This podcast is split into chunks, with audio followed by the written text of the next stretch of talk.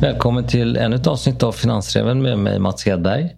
Nu har jag fått tillbaka min, en av mina favoritgäster, Torbjörn Olofsson. Välkommen! Tack Mats! Tack! Vi sågs ju för cirka ett år sedan och eh, för de som missade vårt samtal kan du väl bara lite kort berätta om dig själv? Jag eh, driver sedan ett par år tillbaka ett fondbolag som heter Kvartil. Vi förvaltar två fonder. Den ena är en eh, som heter Multi-Asset som är konceptuellt är det en, en kapitalförvaltning i fondformat som är en väldigt bred exponering mot kapitalmarknaden i allmänhet, alltså en typ av blandfond. Och den andra fonden är en investmentbolagsfond som eh, bara investerar i investmentbolag. Eh, och klon i, i vår förvaltning egentligen att vi fokuserar all, all vår aktiva förvaltning fokuserar på substansrabatt och premium. Alltså hur bolagen är värderade i, i termer av substansrabatt och premium. Därför har det visat sig att eh, den här rabatten far omkring väldigt mycket. Och dels adderar det en massa risk i aktien men det ger också väldigt mycket möjligheter och faktiskt många fallgropar.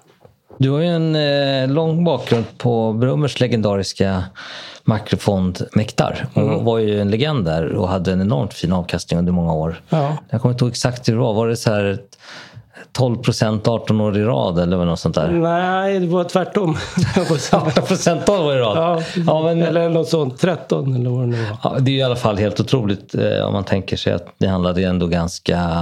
Det var ju inte företagsobligationer utan det var ju mest statspapper. Ja, det var det. Och hur har det gått nu då i den här miljön? Jag lyssnade ju faktiskt på den här podden här innan jag skulle komma hit igen. Eh, och, och vi gjorde den där, det var, var nästan i inledningen av pandemin då. Mm. Och om man tittar sedan dess så, så och då hade ju marknaden totalt klappat ihop egentligen. Men karaktärerna på de här fonderna är ju lite att de är fullinvesterade hela tiden. Så att om man tittar på den här förmögenhetsförvaltningen, multi-asset, Alltså lite tjusningen med den är på något sätt, man blir inte överraskad. Det är liksom syftet med övningen på något sätt. Man vet ungefär hur en sån fond beter sig. Ish. Så att eh, den var väl upp några procent eh, över året förra året. Efter att det var, alltså det gjorde ju en jättedipp i, det var nog ner 20 procent eller något, det kan ha varit i, i mars där. Och sen upp 25 sen från botten. Och den här investmentbolagsfonden den slutade i år, alltså på helåret var den upp nästan 31 procent. Så att det var ju verkligen en klang och jubelföreställning då. Alltså från botten var den väl ner 85-90 procent, eller upp eh, 85-90 procent. Den gick ju extremt bra eh, under året då. Och det var en kombination med att invest, dels gick ju aktiemarknaden väldigt bra i, i allmänhet men investmentbolag gick mycket bättre än börsen i genomsnitt. Sista halvåret var ju helt fantastiskt egentligen avkastningsmässigt. När man har det här då vill man ju prata räntor, centralbanker, valutor. Det är faktiskt sånt som kanske inte alla aktieinvesterare har rov mycket koll på men det är ju ganska bra att ha om man ska bli en bra placerare. Perioden efter finanskrisen och perioden nu har väl varit rätt mycket makro egentligen som har legat liksom i i bakgrunden och ändå drivit marknaden extremt mycket. Sen, sen finns det ju perioder när liksom makro kanske inte spelar så jättestor roll för, för aktiemarknaden. Men just den, den här perioden som vi tittar tillbaka på nu så har det haft e-, extremt eh, stor inverkan tror jag. Och hur skulle du beskriva det lite kort? Jag tänker alltså den här centralbankspolicyn är egentligen rätt alltså små överraskningar i förhållande till vad jag tänkte mig då. Faktiskt. I många stycken har det varit liksom en repris av de policyåtgärder som, som man gjorde vid finanskrisen. Så det fanns någon sorts eh, facit eller det fanns någon sorts modell för hur de skulle agera och de gjorde exakt samma sak nu fast lite mer. Är det så till och med att eh, när du säger finanskrisen så syftar du på Lehman 2007-2008? Mm hade de liksom surrat sig så vid, vid masten att de hade inget egentligen inte alternativ än att fortsätta det de påbörjade kanske till och med början på 2000-talet. Eh, när man började den här resan av att baila ut systemet. Eh, ja, det kan man väl beskriva det som. Marknaden lever ju liksom inte i någon sorts vakuum i förhållande till centralbanker och sådär. Så att jag tror att eh, de förväntar sig vissa policyåtgärder också i, i stor utsträckning. Då, då. Men sen är det inte så här superlätt att vara jättekreativ heller. Så att de, de gjorde ungefär samma sak som de hade gjort eh, efter finanskrisen. I finanskrisen var ju ändå rätt mycket nytt. Mm. Alltså de policyåtgärder som de började med då i form av QE och det var olika program av olika slag. Det var ju någonting som de flesta hade ju inte sett i alla fall innan. Mm. Den här gången var det ju som en repris. Fast mer. Det var inte så speciellt eh, överraskande tycker jag faktiskt.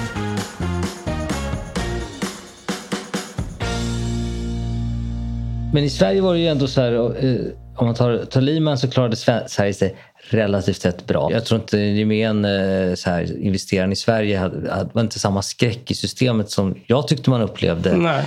i början av corona. Mars 2020, det är ju ont i kroppen vad jag tänker på. Ja, jo. Precis. Och det, det är ju lätt att glömma bort. Och man, man kan tycka att de var yviga och sådär. Men när vi satt här då för ett år sedan. Nu är det liksom lite grann segern skriver historien. Och man vet, alltså, men alla möjliga typer av utfall som fanns liksom i korten då. Ja, det var rätt otrevligt på många sätt. Alltså man, man visste inte riktigt vad det skulle kunna ta vägen. Alltså dödligheten kunde vara mycket högre. och digitala möten och allting. Eh, det var lite oprövat för stora delar av arbetsmarknaden i alla fall. Ja, massa andra saker hade kunnat spilla över på banksystemet med kreditförluster och så vidare. Det hände ju inte så det, i någon mening blev det ju ett lyckligt utfall. Men det jag skulle säga, det som var lite grann överraskningen, det tror jag ändå var finanspolitiken. Och det var ju också en liten reflektion av liksom efterspelet av finanskrisen tror jag. För att det fanns ju rätt högljudda eh, röster inom framförallt akademin om, om att eh, finanspolitiskt gjordes det för lite. Eh, både i USA men framförallt i Europa. Och nu blev det ju liksom öppna spjäll på ett sätt som jag var rätt överraskad över faktiskt det har skett liksom en enorm förflyttning av liksom synen på finanspolitik bara på ett år. Det, det glömmer man bort. Men det är ju liksom spilt över till om man tittar på USA och man, man kan också liksom se det i Europa.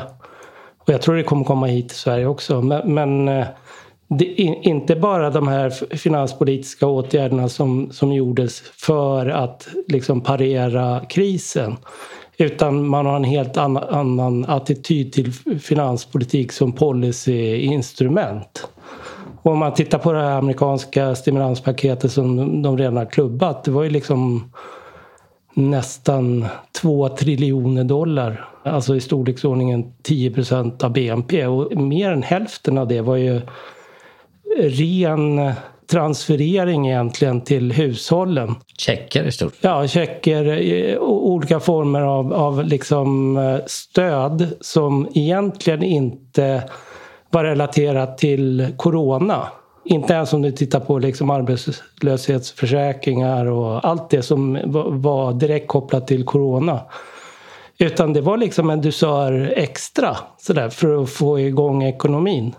Jag har aldrig sett det under min karriär men, men jag kom in precis när vi kanske hade lämnat den eran och vi gick in i en, liksom en helt annan finanspolitisk eh, era. Men det har ju svängt något enormt alltså. Mm. På policysidan är ju det mm. absolut den stora förändringen.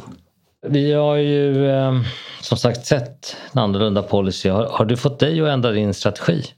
Alltså lite grann men igen då så i våra fonder, de är ju liksom fullinvesterade hela tiden så att när det gäller den här i, i våra multiasset så har jag ju skiftat om lite grann under året.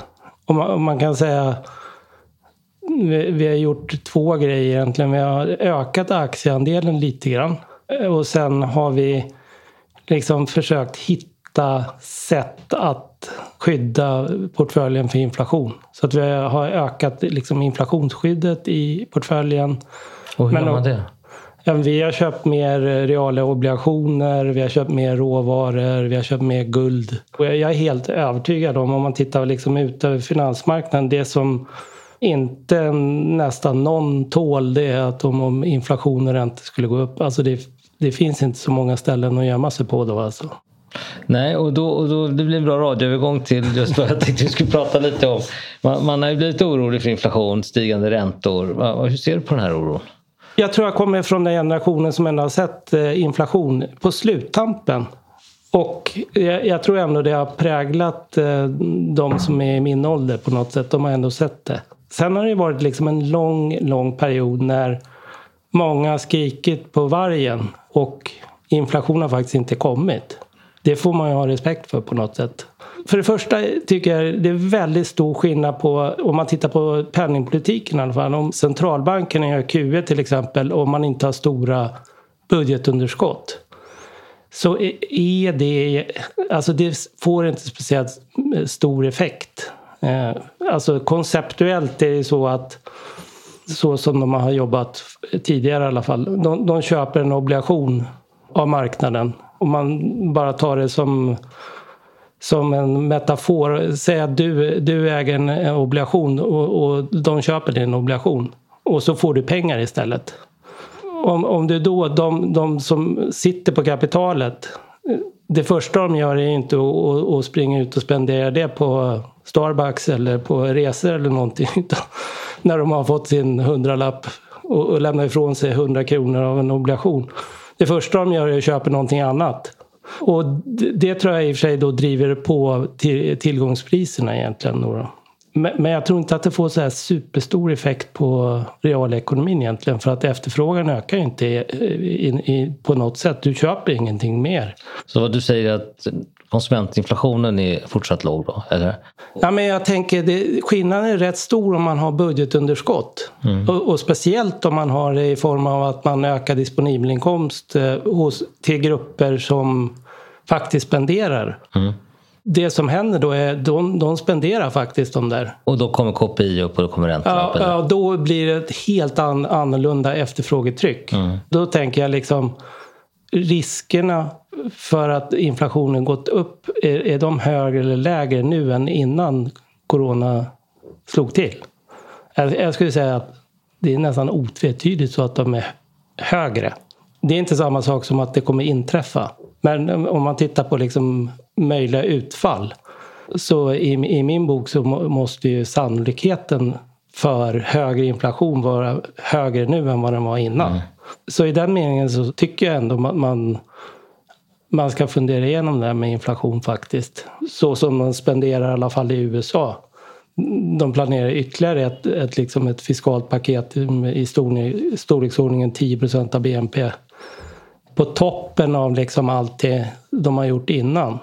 Och sen, sen jag bara tittar på mig själv liksom eh, vad man vill och önskar att man ska göra när corona är över.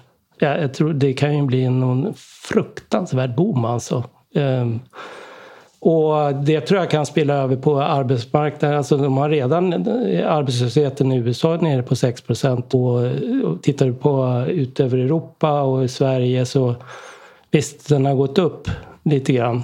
Men inte tillnärmelsevis så mycket som man kanske trodde från början. Jag tror att den väldigt snabbt kan komma till, arbetsmarknaden kan, kan väldigt snabbt komma tillbaka. Så att nätt med hyperexpansiv penningpolitik. I Europa expansiv finanspolitik, i USA hyperexpansiv eh, finanspolitik. Så tror jag att riskerna för att inflationen går upp, eh, eh, de, de finns definitivt där. Och kommer centralbankerna att agera då om räntorna börjar gå upp så att de ligger och köper eh, både på korta och på långa sidan? Jag vet faktiskt inte. Men jag, jag har någon sån här teori också att, att eh, eftersom det har varit så många fall av att folk skriker att vargen kommer. Så den här gången tror jag faktiskt att finansiella marknader är tvungen att se riktig inflation. Alltså det ska inte bara vara att de tror det. Utan de ska se det. Ibland kan det ju vara så att det räcker med att man liksom bara anar det i horisonten mm. så springer alla mot dörren. Jag tror faktiskt inte att det är det och det tycker jag nu, nu alltså det har ju tickat upp nu och man har sett liksom de här paketen klubbas. Den långa ändan har gått upp kanske i Sverige en halv procentenhet? Ja, i den storleksordningen. Alltså det har inte varit några jättestora rörelser på räntor egentligen. Och när du säger inflation, menar du KPI då eller tänker du på eh, andra eh, inflationsmått? Ja, jag tänker väl på det är väl liksom slutstationen är KPI och sen alla de måtten som finns innan dess de, de, de landar ju på något sätt i den. Centralbanken har ju ändå det som liksom mått på de flesta av dem. Det är det de ska agera på, någon ja. typ av konsumentinflation. Yes.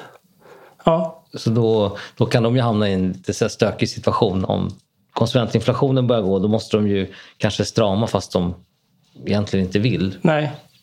Och då, då blir det, nu har de ju liksom lovat, citat lovat, men att de inte ska röra korträntorna på många år. Det som jag tänker mig då, det är faktiskt om, om inflationen går upp, de sitter på händerna. Du tror det? Ja, det tror jag. Absolut från början.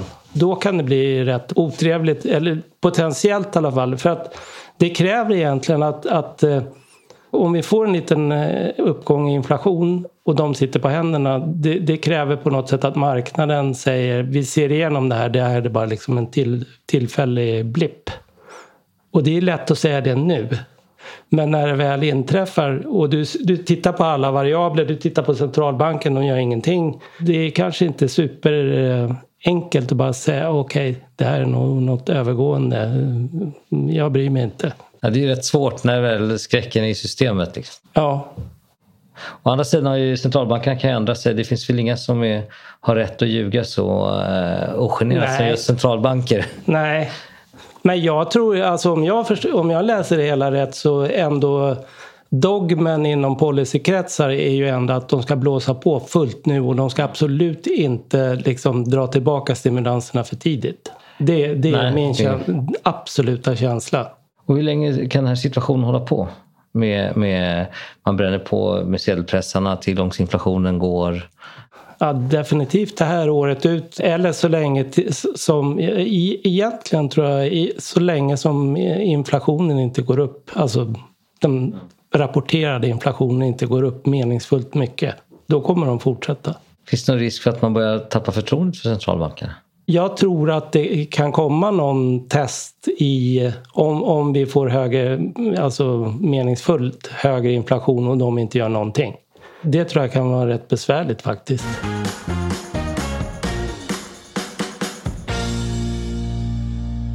Om man börjar tappa förtroendet för centralbanken, hur skulle det manifestera sig? Jag tror att det är långa, alltså långa räntor går. Men sen finns det ju en annan grej, det har jag också tänkt på under liksom, eh, vissa saker. Jag kanske är ovanligt trög men, men liksom, hur fruktansvärt starka såna inflationsförväntningar är. Alltså hur det håller ihop systemet. Jag börjar titta på någon sån här, man tittar på penningmängd och den varierar rätt mycket så här. Om man tittar på historiskt.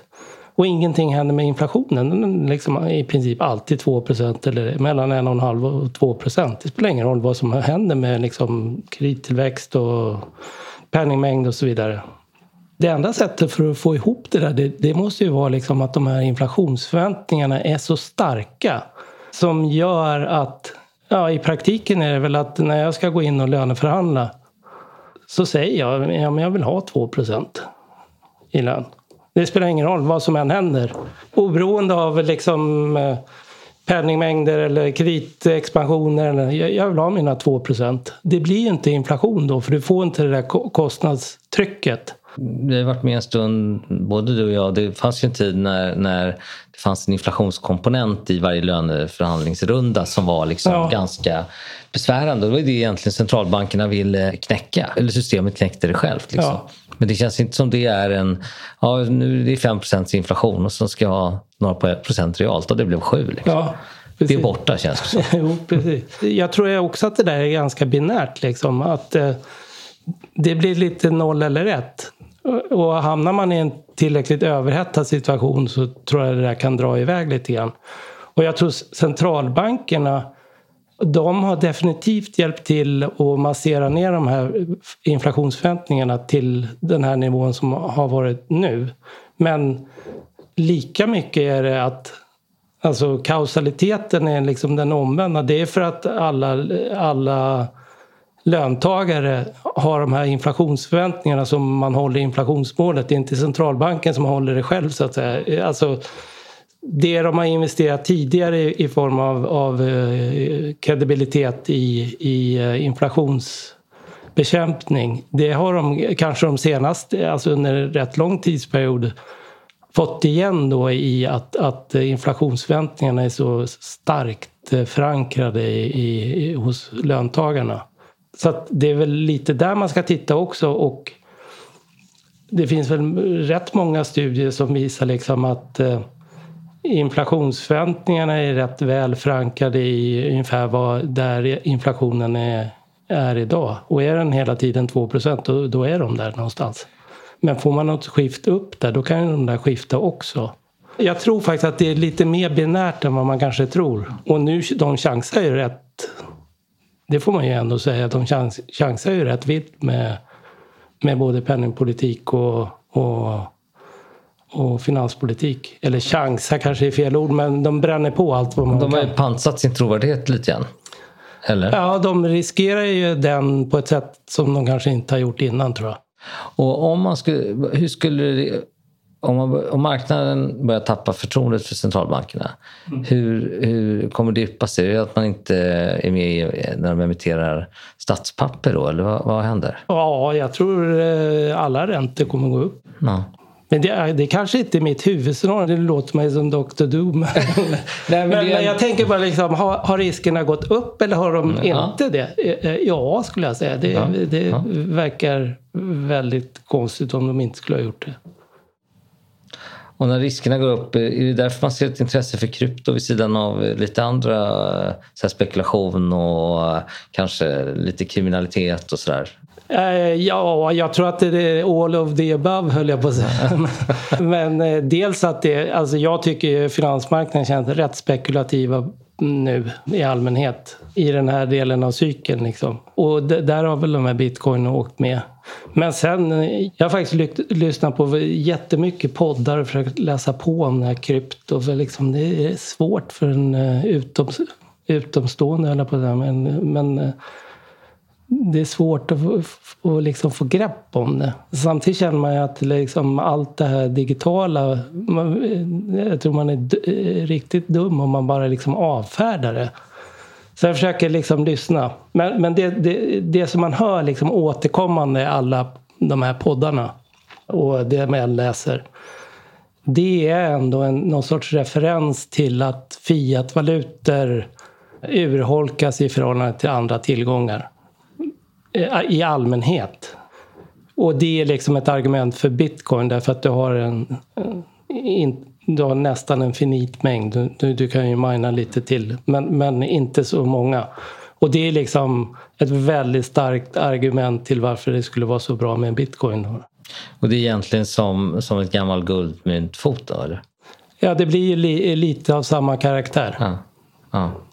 Fast den är digital. Alltså pengar är någon sorts, det är någon sorts kollektiv eh, illusion på något sätt. Och, och, och det behövs eh, ja, det behövs institutioner och trovärdighet i, i det där systemet. Om man har det så kan ju vad som helst vara, vara pengar. Eh, så att i den meningen så kanske bitcoin kommer flyga. Jag vet faktiskt inte. Däremot är jag rätt säker på att det inte kommer bli betalningsmedel. Och det, det finns ju några skäl till det. Men det ena är att, att själva liksom bitcoin eh, eh blockchainen, de, de de kan ju göra tio transaktioner i sekunden. Eh, och, och, jag läste någonstans om Visa eller Mastercard där de gjorde 100 000 i sekunden. Eller sånt där. Alltså, det går inte att, att klira det.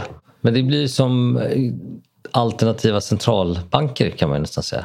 Ja, det blir ju en parallell en parallell monetär värld. Och det är det andra skälet till att jag är, är rätt säker på att Alltså det, det som följer med att vara en suverän stat eller nationalstat. Och speciellt nu faktiskt där man ser liksom att eh, om man tänker sig policy, policy eh, ekonomisk policy, det, det, är både finanspolitik och penningpolitik. Alltså, centralbanker har alltid varit en del av staten men de har ju fått liksom en aura att liksom stå lite vid sidan om. Men nu är det så tydligt, för i alla fall för, eh, jag tror för alla och en var att det är en del av staten. Och de här policyåtgärderna som de har gjort är en del av ett större politiska insatser i alla fall i coronaepidemin och det var likadant i finanskrisen. De liksom migrerar, penning och, och finanspolitik migrerar. Det är staten och de har de här policyinstrumenten. Staten har dem, inklusive då penningpolitiken. Att de då skulle ge, ge upp den Nej, det tror jag inte. Det tror inte jag heller faktiskt. Ehm, och, och, och min erfarenhet av, av, när staten blir trängd då blir, eh, de kan bli rätt elaka då. Alltså om de, om de känner sig hotade på den delen. Så att jag, jag tror faktiskt inte att eh, varken bitcoin eller någon annan sån här digital valuta kommer att vara betalningsmedel i någon större utsträckning i alla fall.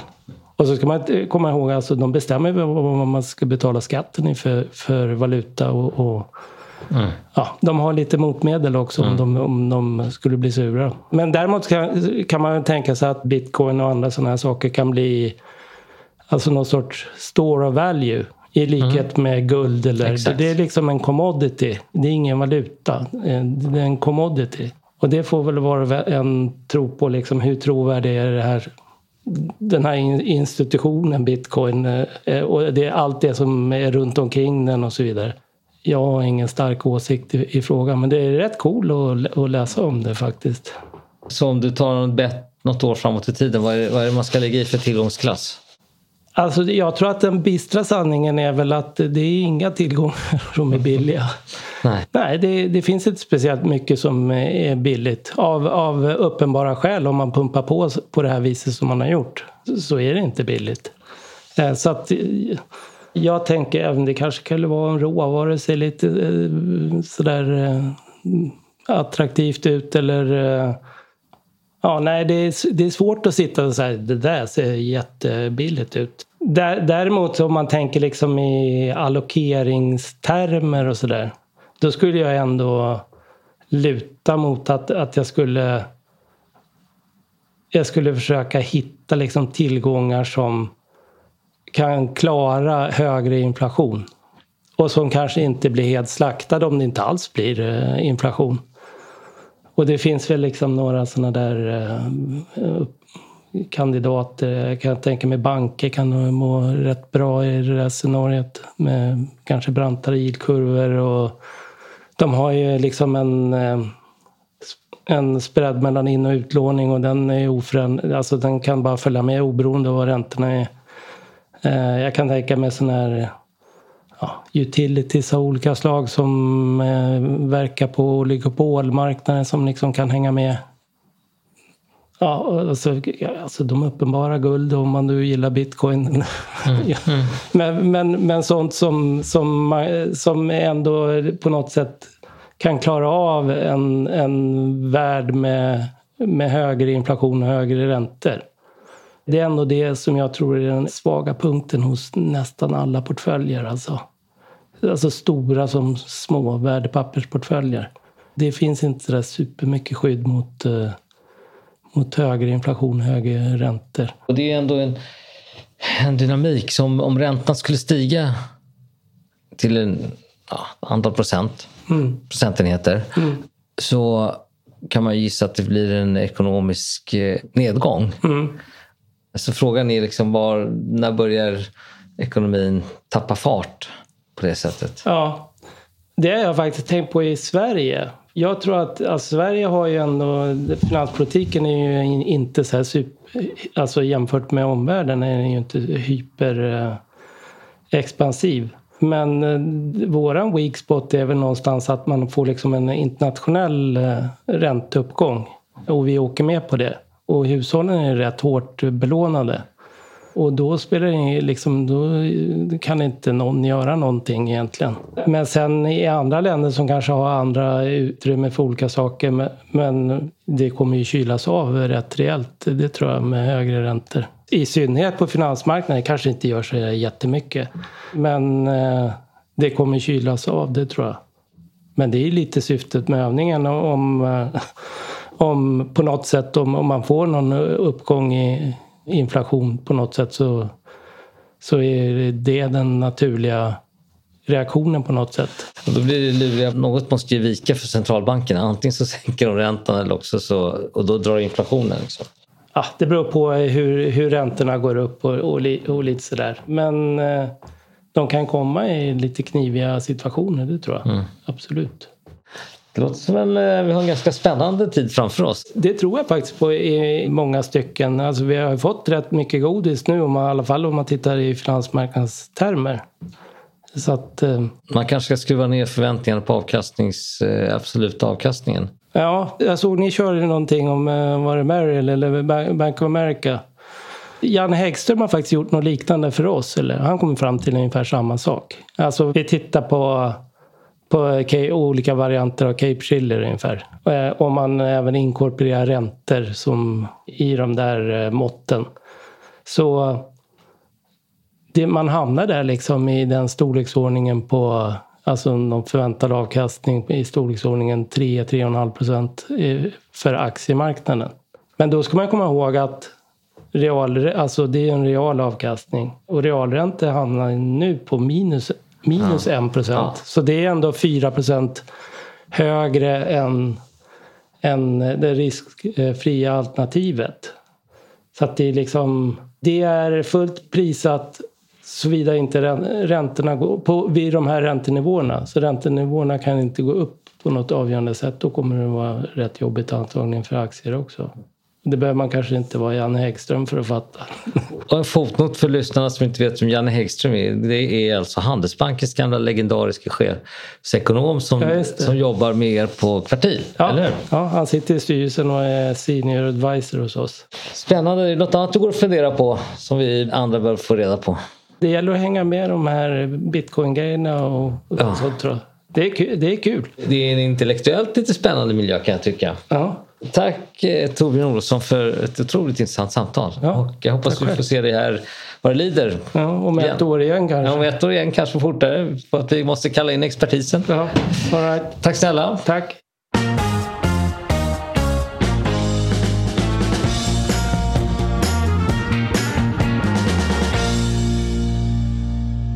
Finansräven har ännu en gäst den här veckan och det är Anders Rabbe på Wint Research. Välkommen!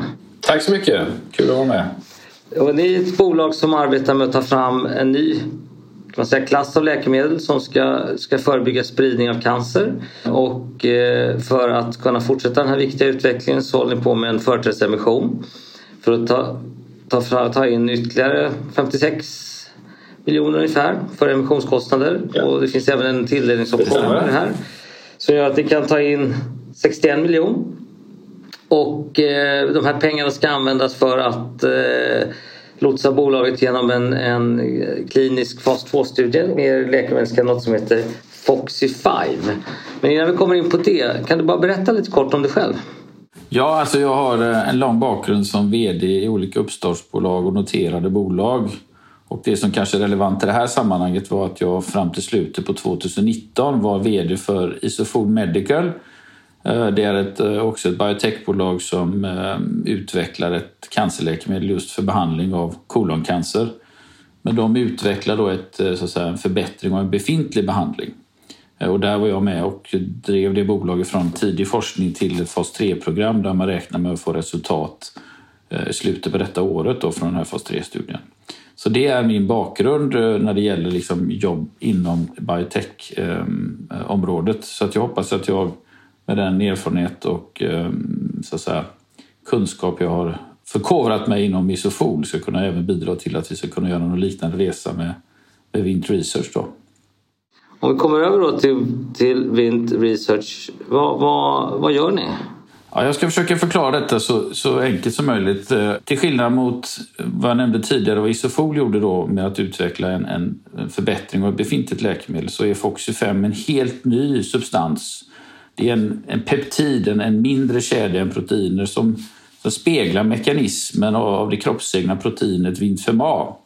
Och Vintfem-A visar sig påverka cancercellers förmåga att sprida sig och bilda metastaser. Då. Nu lämpas inte Vintfem-A-proteinet självmant som att man kan inte injicera det i människor, det är för trögrörligt i sig självt. Så därför så utvecklade då Tommy Andersson som är bolagets grundare för ett 12-13 år sedan så utvecklade han Foxy 5 som då efterliknar vad Infema gör men som också lämpar sig för att behandla eh, potentiellt patienter med. Då. Och Vintfema har visat sig då, som sagt påverka cancercellers förmåga att sprida sig och bilda metastaser. Och man har även visat att uttryck av Vintfema påverkar utfallet för hur det går för patienter. Då. Det vill säga, har du, haft, har du lågt uttryck av Vintfema så jämfört med högt uttryck så har man då ett eh, snabbare sjukdomsförlopp och en högre dödlighet. Så ambitionen med Foxy 5 är ju att se till att få upp eh, VINT-5a-uttrycket eller bidra med att, att eh, cancercellerna får, får svårare helt enkelt att förflytta sig i kroppen. Och det är en väldigt stor skillnad mot, mot befintliga läkemedel som, som försöker slå ihjäl cancerceller. Eller kan man säga att det är ett bra komplement till det då.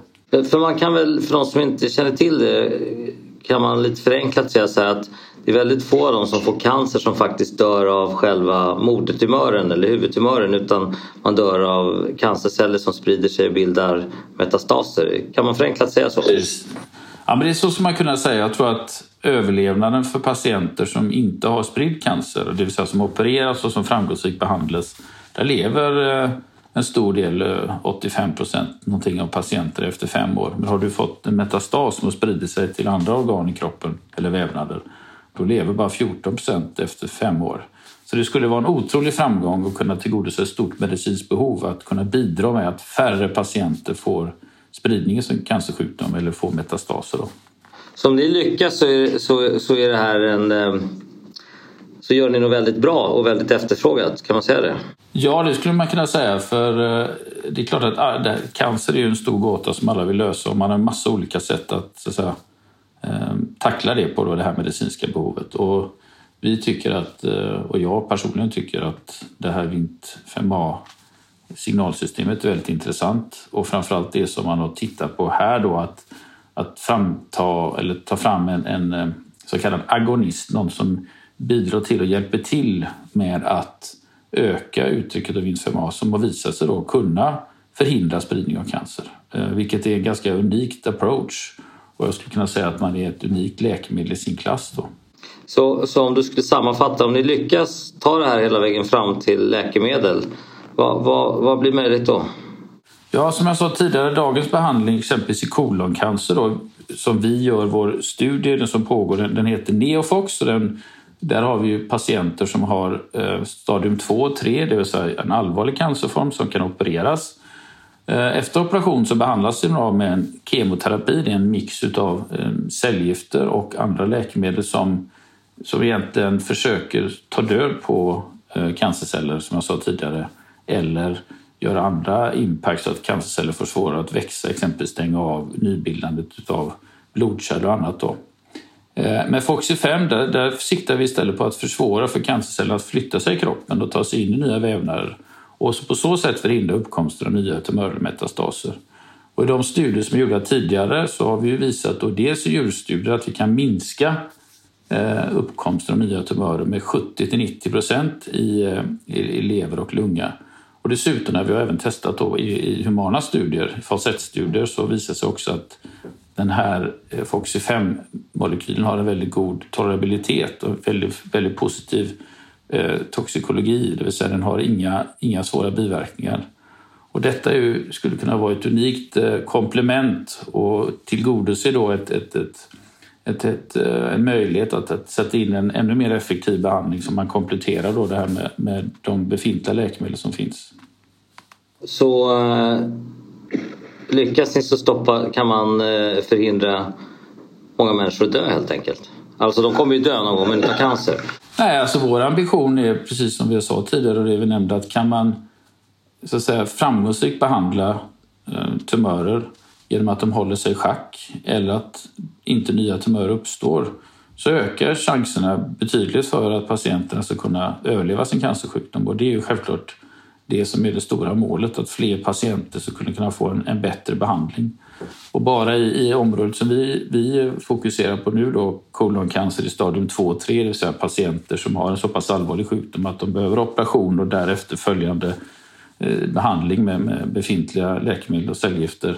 Eh, där finns, ser vi att bara i USA och Europa och eh, Ehm, Japan finns det cirka närmare 300 000 patienter skulle jag säga, som, som får den här sjukdomen varje år, som får bekräftas med den här sjukdomen. Ehm, så det är ju en jättestor möjlighet att hjälpa väldigt många patienter. Om vi kunde nå kanske 20-30 procent av de patienterna med, med vår behandling med Foxy5, då skulle man ju kunna bidra med en, en otrolig förbättring för, för många patienter helt enkelt. Den cancerform som du refererar till koloncancer, det, det är tjocktarmscancer också på vardagssvenska? Ja, det kan man säga på vardagssvenska, absolut. Kan du berätta lite om historien bakom det här läkemedlet? Ja, jag nämnde lite i början där att eh, bolagets grundare Tommy Andersson som är då professor i experimentell forskning från i, i södra Sverige, Lund och Malmö, eh, forskade kring det här Vint5A och, och såg då att eh, Vint5A hade en förmåga att göra celler trögrörliga helt enkelt.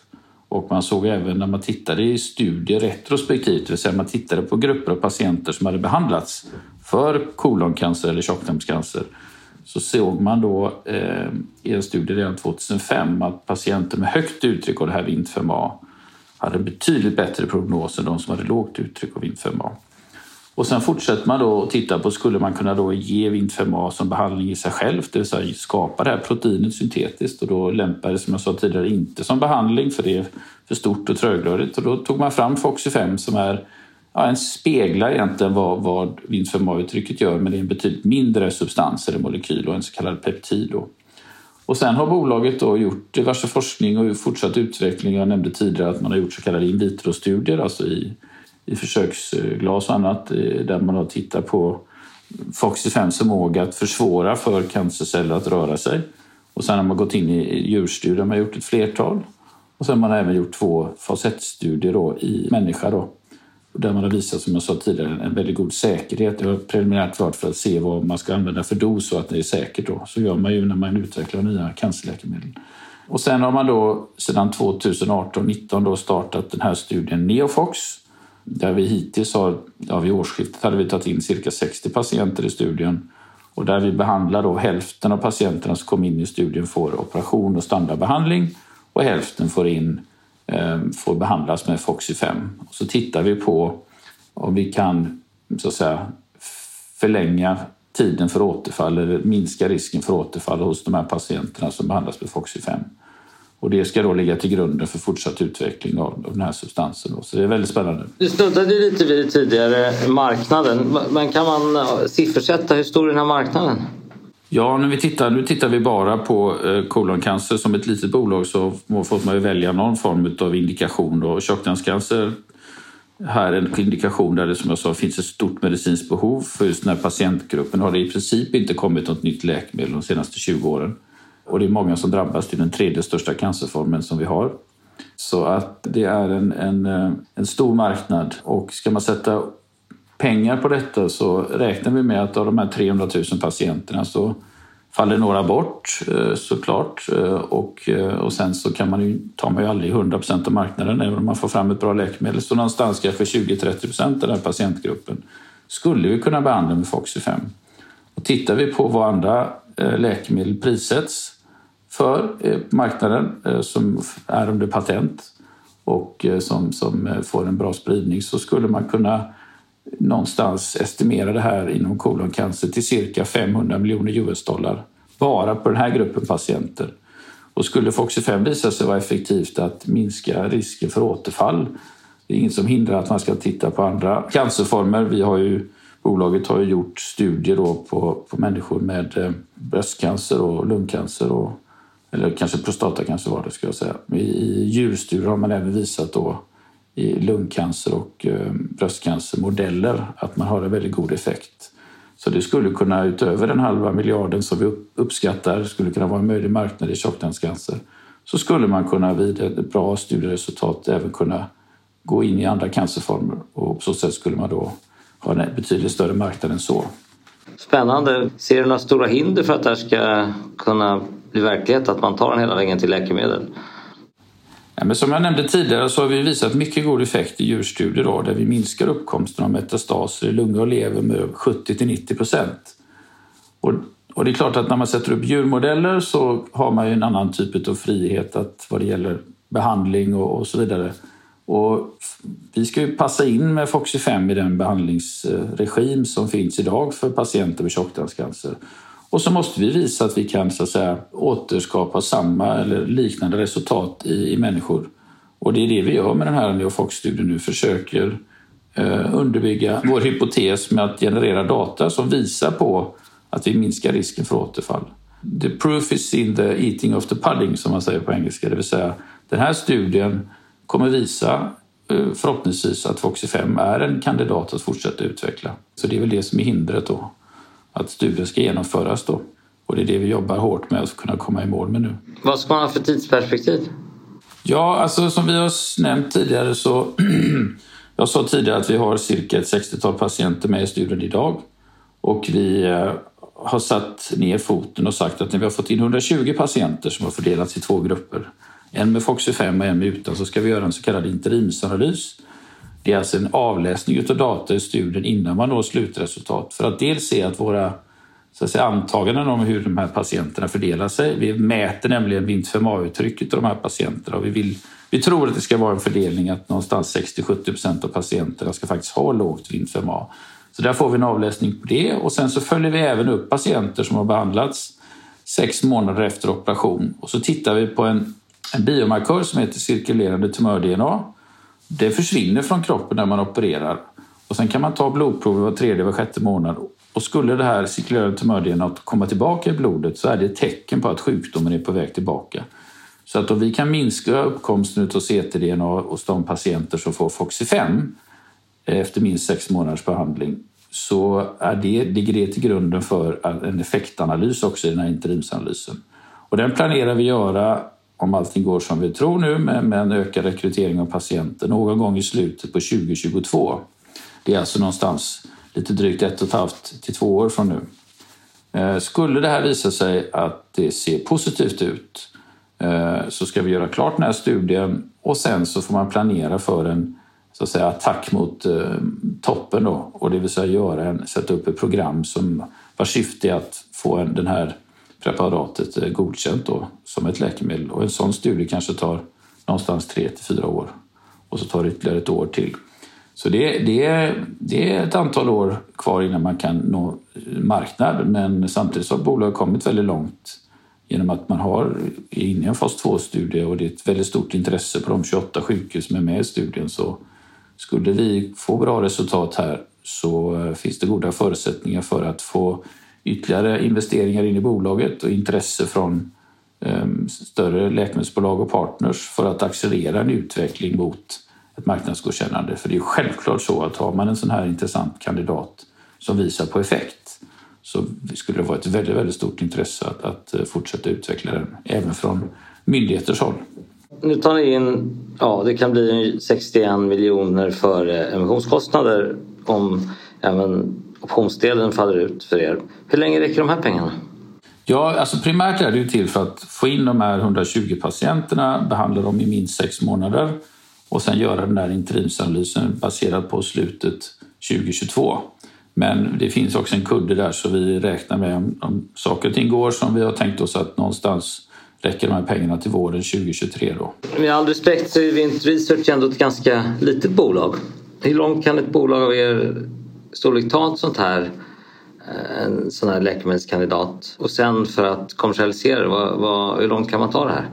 Alltså, det finns inga hinder att som ett litet bolag fortsätta växa, ta in kapital och driva en process hela vägen själv. Eh, jag har haft erfarenheter av det från, från vad jag nämnde tidigare, att man tar hela vägen till en fas 3-studie. Det krävs ju självklart betydligt mer kapital Men det går att göra själv. Men jag skulle förespråka att man under vägen hittar en partner som dels lär känna utvecklingen och dels kan sponsra utvecklingen och framförallt då vid ett positivt utfall och eh, ett, ett steg vidare mot ett marknadsgodkännande så har ju de en helt annan apparat för att sätta upp en försäljning och distributionskanal. Det har de oftast på plats, de här bolagen, eller jobbar med partners som har det. Eh, så att det finns ju, finns ju svenska bolag idag som har kommit långt i utveckling som bygger upp mindre organisationer för försäljning och så vidare. Men jag skulle säga att det, det är snarare ett undantag att man gör så. Utan regeln är att man hittar en partner under vägen som har muskler och som har eh, eh så att säga, finanser också för att förbereda för ett marknads... Eh, så att säga, eh, eller rättare sagt förbereda för att kommersialisera produkten. Det är ju någonting man måste göra, börja med god tid innan man får produkten godkänd eh, för att snabbt kunna nå eh, till patienter och få en försäljning när väl läkemedlet är godkänt. Då. Så vår ambition är att hitta en partner och det jobbar vi redan nu med och det har bolaget jobbat med innan jag kom in i bilden och det är någonting vi kommer fokusera närmaste året på att titta på vad vi kan generera intresse för en sån här, vill jag säga, unik läkemedelskandidat i att förhindra eh, så här spridning och bildandet av nya metastaser. För lyckas ni ta det här hela vägen till läkemedel så är väl det här en, det man kallar för en blockbuster, är det inte det? Ja, som jag nämnde tidigare, var blockbuster är ju ett, ett eh, begrepp som används när man, när man pratar om miljardförsäljning i dollar och jag skulle tro att ett sånt här produkt som, som visar framgång på att stoppa spridning av cancer och uppkomst av metastaser absolut har en potential att bli en blockbuster. Det var väl ett ganska bra avslut för ett sånt här intressant samtal. Har du någonting du vill tillägga Anders eller ska vi runda av och fortsätta följa bolaget efter det? Nej, men jag tycker det, jag tycker det är kul om, eh, och viktigt framför allt att, att så många som möjligt som har möjlighet kan investera i den här viktiga utvecklingen eh, av eh, Foxy 5. För det, det, är någonting som alla måste stötta, en sån här utveckling av nya cancerpreparat som kan hjälpa fler människor. Det kommer jag själv göra, vara med och investera den här emissionen faktiskt. Ja, men det är trevligt att höra. Och, och en sista liten fråga då. då. Foxy 5, det är ett ovanligt spännande namn på ett läkemedel. De brukar ha helt obegripliga namn ofta. Var kommer namnet ifrån? Du, jag tror att det får vi ta på nästa podd. Är det så? För det har jag faktiskt inte. Ja, det får vi faktiskt göra. Men jag ska göra efterforskningar. Det får bli en cliffhanger till nästa gång vi ses. Tack Anders. Spännande samtal och det här ska bli mycket intressant att följa. Tack så mycket för att ni tog er tid att lyssna.